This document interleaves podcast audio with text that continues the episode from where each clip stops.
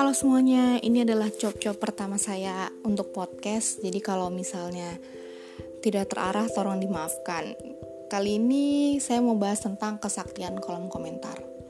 Beberapa hari lalu, kanal saya mengeluarkan sebuah video yang dalam hitungan tiga hari dilihat sekitar 7.000 orang dengan kurang dari 140 komentar. Kemudian saya mensortir setiap komentar, mencari tahu apa saja pendapat mereka terhadap video ini.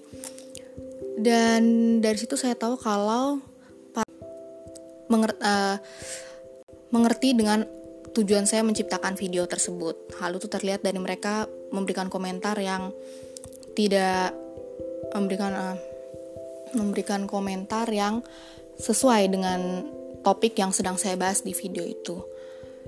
Namun nggak sedikit juga yang membahas tentang hal-hal di luar video itu.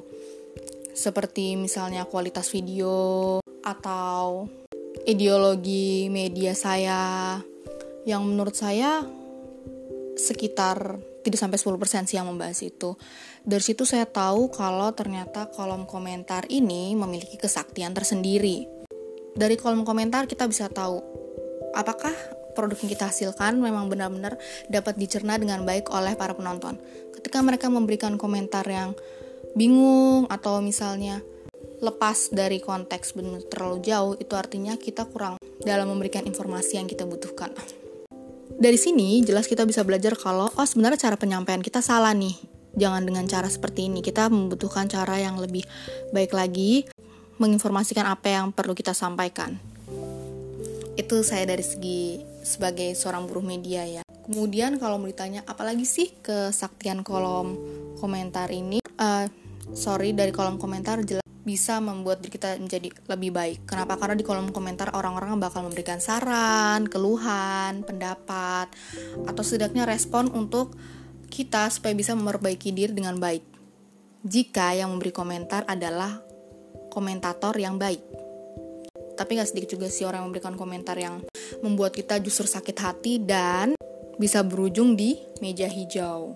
Beberapa artis merasa tersinggung dan mereka mempidanakan para follower mereka yang menjelek-jelekan diri mereka atau orang-orang di sekitar mereka karena mereka merasa tidak terima dengan pernyataan para komentator tersebut. Dan inilah mengapa kita perlu bijak dalam berkomentar untuk sesuatu. Istilah pansos mungkin udah sering kita dengar ya, panjat sosial, tapi beberapa orang ada yang bilang panjat komentar. Untuk beberapa akun seperti di media sosial Instagram atau lebih spesifik lagi Lambe Turah yang memberikan posting yang hanya setengah-setengah saja, tidak memberikan informasi secara detail.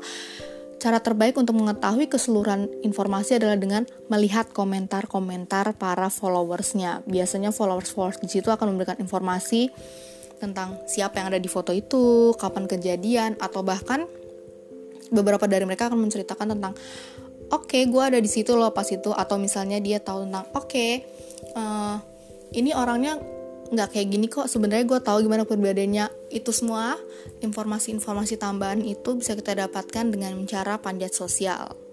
Itu adalah kesaktian paling nyata dalam sebuah kolom komentar inti dari bacotan saya hari ini adalah jempolmu harimaumu ketika jempolmu tidak bijaksana dalam berkomentar, maka kamu bisa dalam masalah. Jadi tidak hanya bijak dalam bertutur tapi juga bijak dalam mengetik. Haha. Oh iya, uh, last but not least sebenarnya di podcast pertama ini saya mau bahas banyak sih yaitu golput atau membahas film yang baru aja saya tonton. Cuman kayaknya kolom komentar lebih seru lagi ya. Sepertinya ini lebih berfaedah. Jadi thank you.